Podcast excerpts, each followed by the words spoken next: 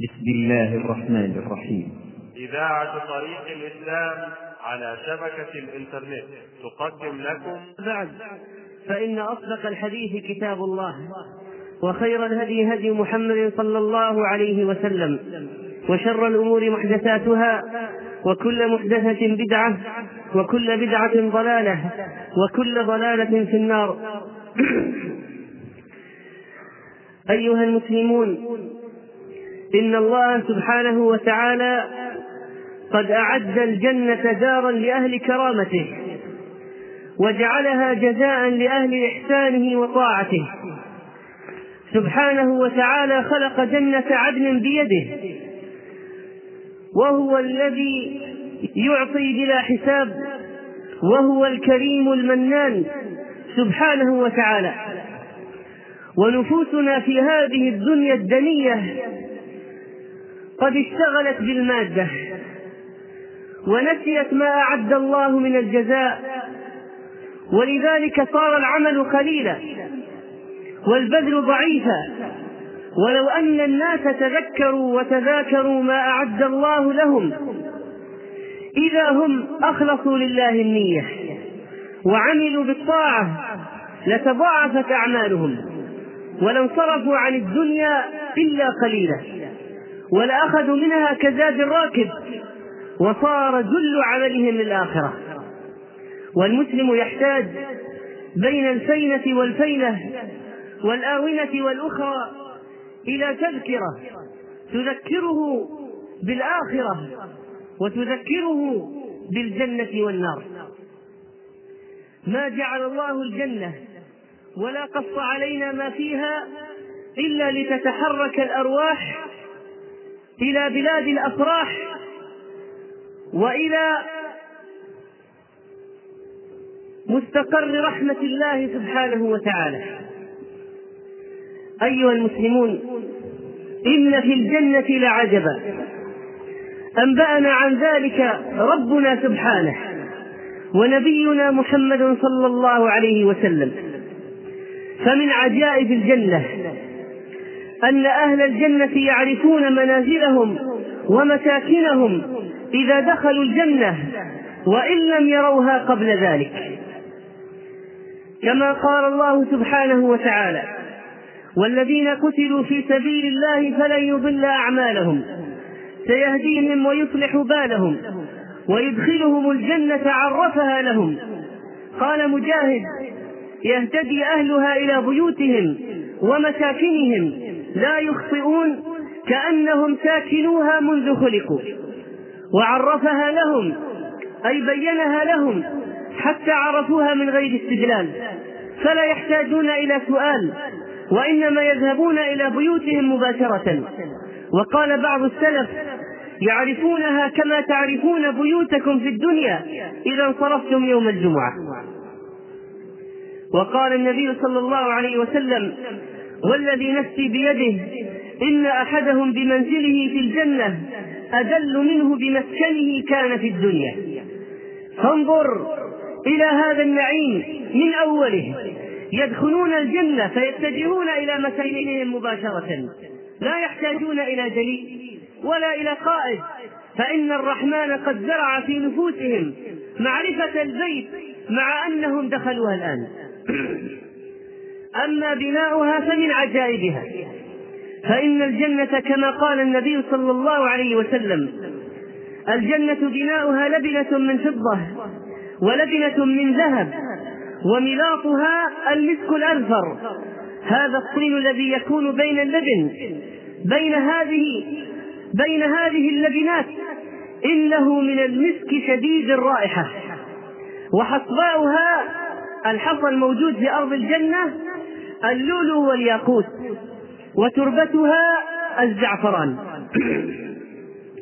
وقال النبي صلى الله عليه وسلم بين أنا أسير في الجنة إذ عرض لي نهر حافتاه قباب اللؤلؤ المجوف. قلت يا جبريل ما هذا؟ قال هذا الكوثر الذي أعطاكه الله. ثم ضرب بيده إلى طينه فاستخرج مسكا فهذا طين النهر من المسك قال العلماء تربتها متضمنة للنوعين المسك والزعفران. وقال بعضهم التراب من زعفران والطين من المسك. وقال بعضهم زعفران باعتبار لونه مسك باعتبار رائحته. ولما كف عباد الله المؤمنون في الدنيا عن المحرمات عوضهم الله خيرا.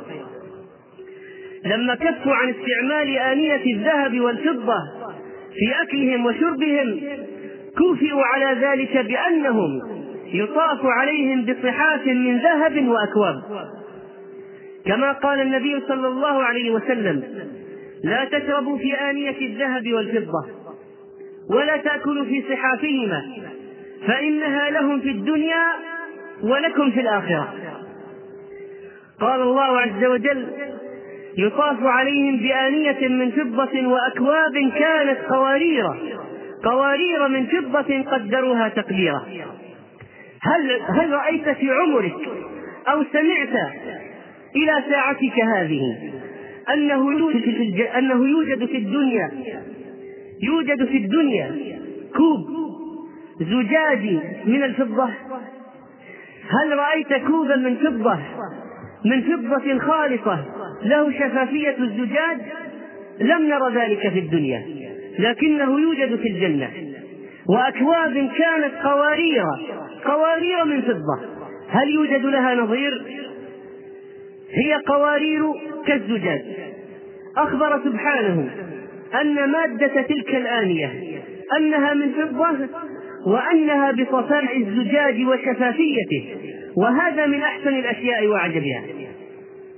وكذلك. فأهل الجنة يطاف عليهم بصحاف من ذهب فيها ألوان الطعام وأكواب فيها ألوان الشراب.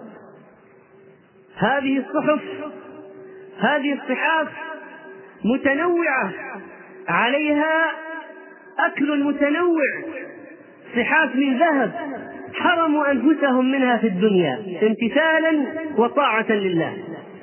وهم في اليوم الآخر وهم إذا دخلوا الجنة يطاف عليهم بصحاف من ذهب.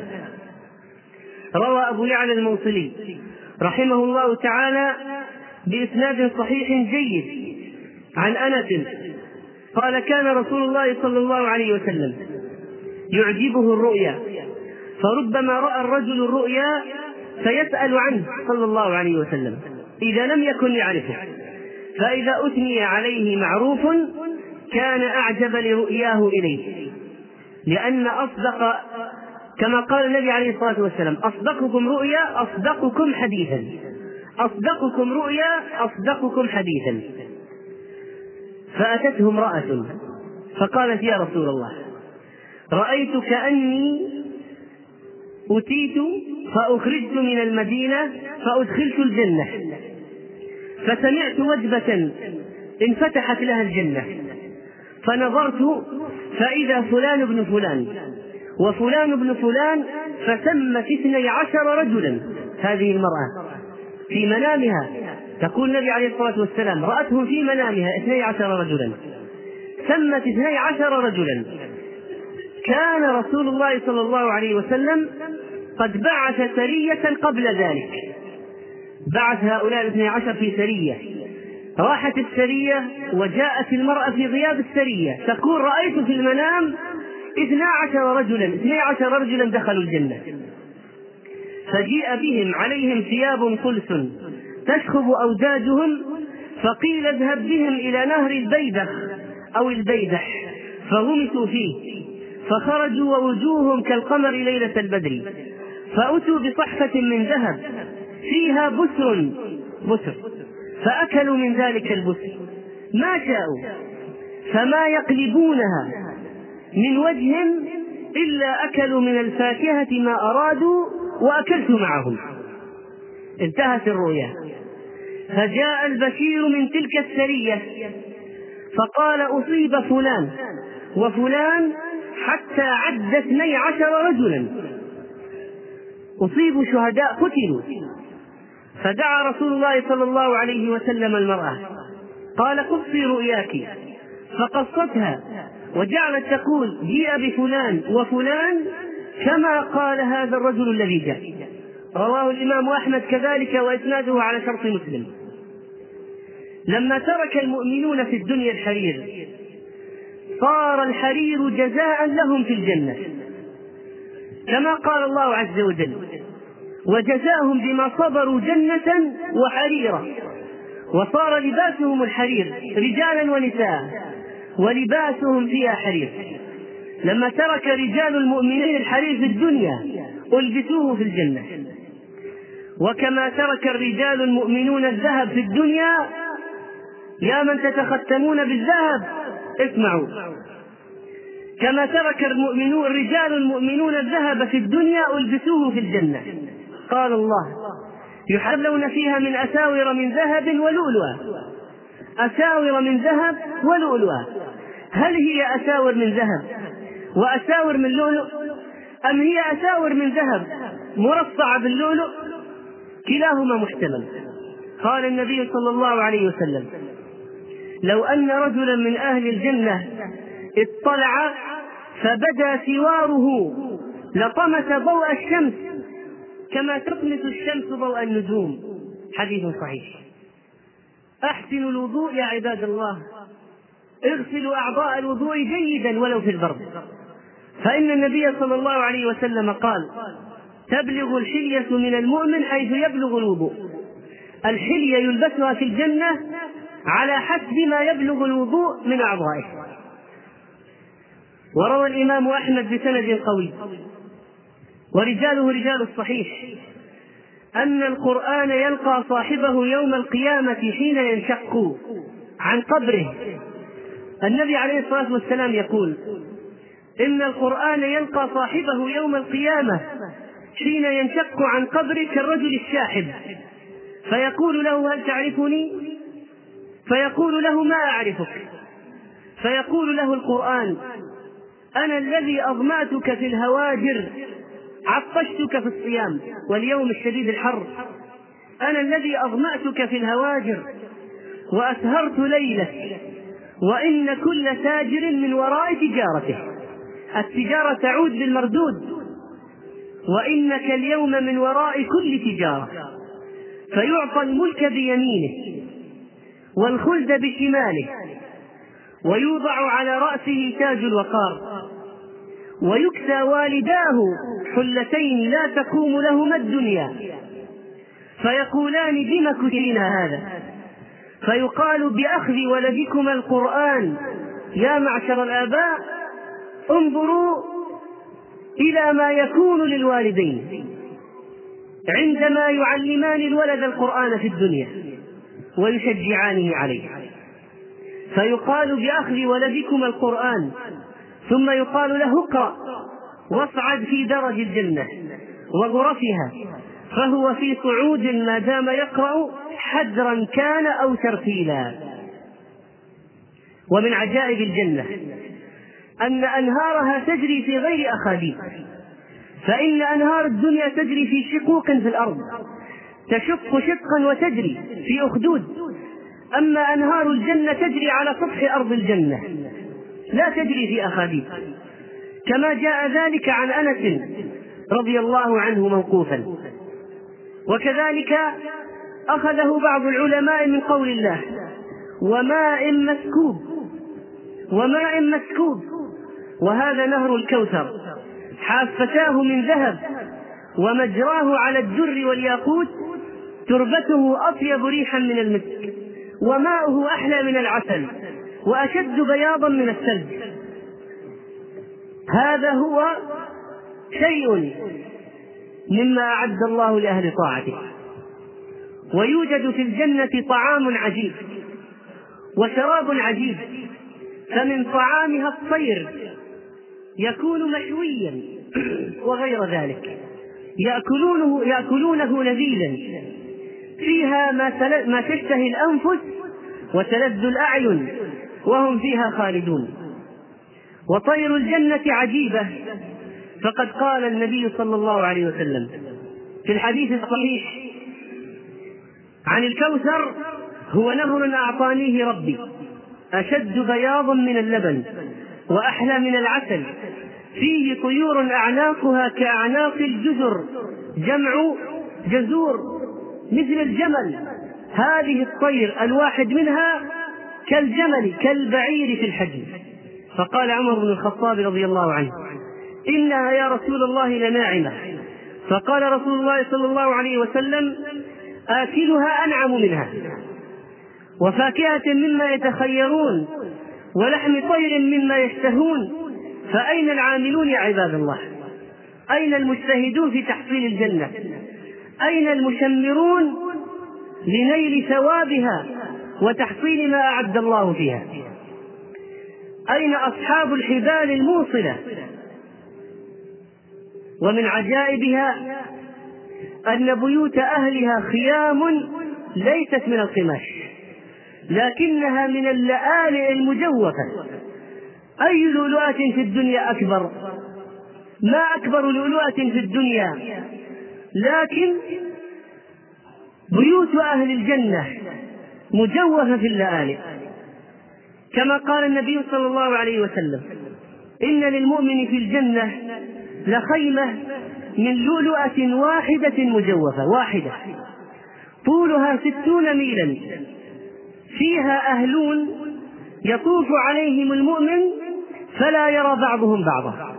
وفي رواية أيضا في الصحيحين الخيمة درة طولها في السماء ستون ميلا. في كل زاوية منها أهل للمؤمن لا يراهم الآخرون فهو يطوف عليهم ويأتي ويجامع في تلك الزوايا في هذه اللؤلؤة المجوفة. كل زاوية فيها أهل له لا يراهم الآخرون. وأما عن الزرع فإنه عجيب من أعجب العجب.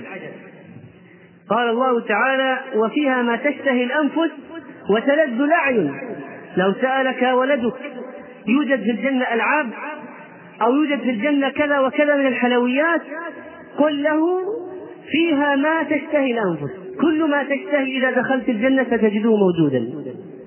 وتلذ الأعين.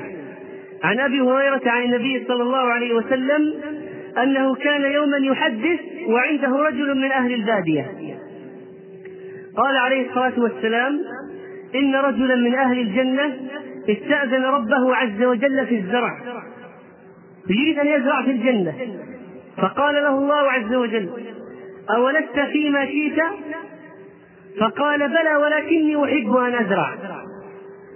فأسرع وبذر فبادر الطرف نباته واستواؤه واستحصاده وتكويره أمثال الجبال في طرفة عين. في طرفة عين. يقول فبادر الطرف نباته واستواؤه واستحصاده وتكويره أمثال الجبال. فيقول الله عز وجل دونك يا ابن آدم فإنه لا يشبعك شيء. فقال الأعرابي الجالس يا رسول الله لا تجد هذا إلا قرشيا أو أنصاريا فإنهم أصحاب زرع. وأما نحن فلسنا بأصحاب زرع نحن بادية. فضحك رسول الله صلى الله عليه وسلم. رواه البخاري في صحيحه. ومن عجائبها أنه يوجد فيها ظل ولا يوجد فيها شمس. وأن الظل الموجود في الجنة لا ينحسر ولا يتخلص قال الله وظل ممدود. مثل الجنة التي وعد المتقون تجري من تحتها الأنهار أكلها دائم وظلها. ما ينقص من ثمرها شيء. وظلها دائم كذلك لا ينحسر وكذلك فإن الجنة ليس فيها ليل. باتفاق العلماء. كله نهار مع أنه لا يوجد فيها شمس. وجاء عن بعض السلف تشبيهه بالوقت الذي يكون بين الفجر وطلوع الشمس. فليس فيها ليل وأهلها لا ينامون لأن النوم أخو الموت.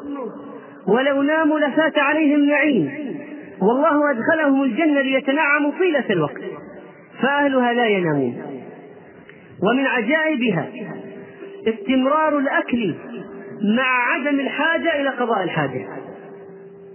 كما جاء في سنن النسائي بإسناد صحيح. عن زيد بن أرقم قال جاء رجل من أهل الكتاب إلى النبي صلى الله عليه وسلم فقال يا أبا القاسم تزعم أن أهل الجنة يأكلون ويشربون؟ قال نعم. والذي نفس محمد بيده إن أحدهم ليعطى قوة مئة رجل في الأكل والشرب والشهوة والجماع. قال قال اليهودي فإن الذي يأكل ويشرب تكون له الحاجة وليس في الجنة أذى فسر لي. قال تكون حاجة أحدهم. يقول النبي عليه الصلاة والسلام تكون حاجة أحدهم شبعا يفيض من جلودهم كرشح المسك فيضمر بطنه. هذا قضاء الحاجة في الجنة. رشح على الجلد رائحته كرائحة المسك ثم تضمر البطن فيعود للأكل فهم دائما في أكل ودائما في شراب ودائما في لذة. ومن عجائبها ما أخبر به النبي صلى الله عليه وسلم أن مجامرهم الألوة وهو نوع من الطيب مخصوص في الدنيا يجلب من الهند لكن في الآخرة يختلف. ليس في الجنة مما في الدنيا إلا الأسماء. فيها رمان لكن ليس كرمان الدنيا. ونخيل لا كنخيل الدنيا. وهكذا. هذا نوع من الطيب. قال بعض العلماء يكون له بخار من غير نار. في المجامر بخور من غير نار. ومن عجائب الجنة أن أهل الجنة كما قال الله على سرر متقابلين. ونزعنا ما في صدورهم من غل. إخوانا على سرر متقابلين. وجوه بعضهم لبعض. لا يمكن أن يستدبر أحدهم الآخر. لا يكون دبر إنسان إلى وجه إنسان آخر. كم عددهم؟ كثير. مناطقهم متوزعة في الجنة. أعلى وأسفل ويمين وشمال. لكن لا يستدبر أحد الآخر. متقابلين. طيلة الوقت وجوه بعضهم لبعض. والله على كل شيء قدير. هذا من نعيمهم. ونعود ونقول أيها الإخوة إننا في غمرة هذه الدنيا انشغلنا بالتجارات والوظائف والأموال والأولاد والزوجات والسياحة والسفريات والكماليات والأسواق والأسهم والسندات بالحلال والحرام ونسينا الجنة ونسينا ما فيها ولا نطلع على شيء من النعيم إلا نادرا ولا نقرأ إلا قليلا. وإذا قرأنا لا نتدبر. ولو أننا تدبرنا ما أعد الله لتغيرت أحوالنا والله. ولأسرعنا الخطى إلى دار الكرامة ودار السلام ودار الأمان الجنة التي عرضها السماوات والأرض.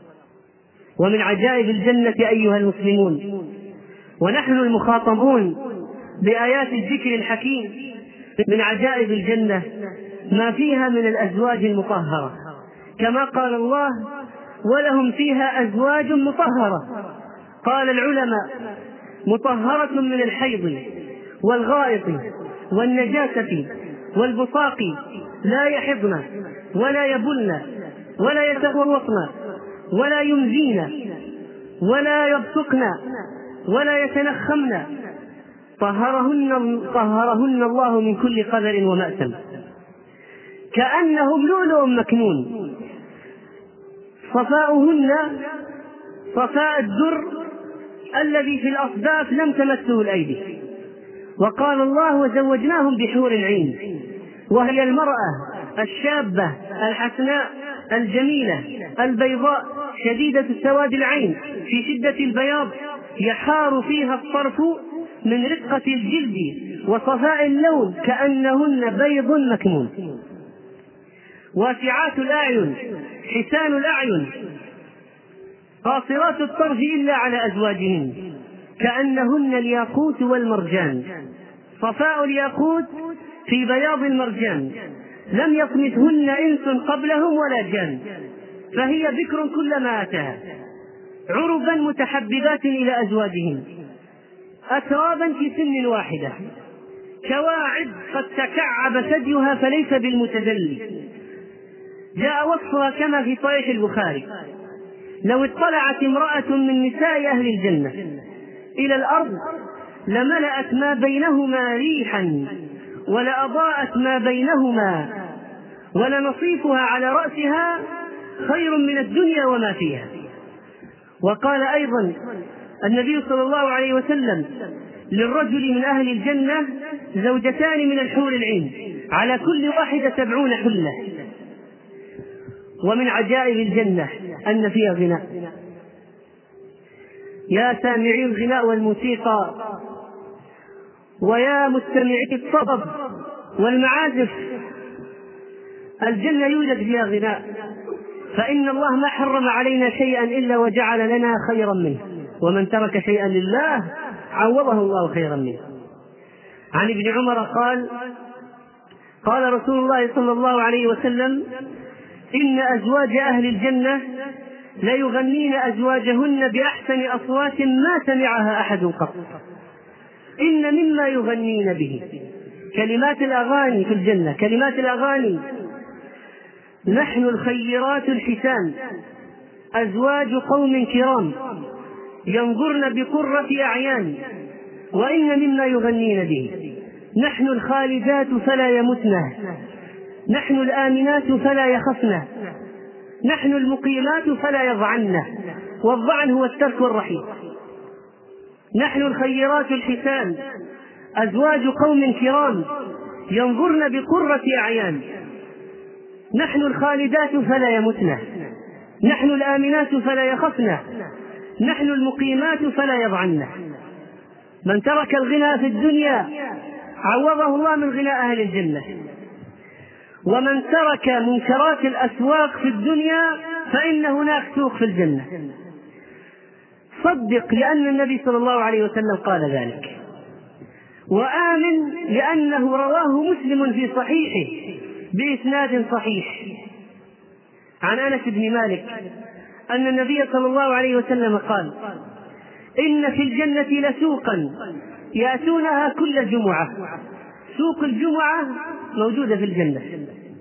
يأتونها كل جمعة. فتهب ريح الشمال. فتحثو في وجوههم وثيابهم. من كثبان المسك. فتحثو في وجوههم وثيابهم. فيزدادون حسنا وجمالا. فيرجعون إلى أهليهم. وقد ازدادوا حسنا وجمالا. فيقول لهم أهلوهم. والله لقد ازددتم بعدنا حسنا وجمالا. فيقولون والله أنتم لقد ازددتم بعدنا حسنا وجمالا.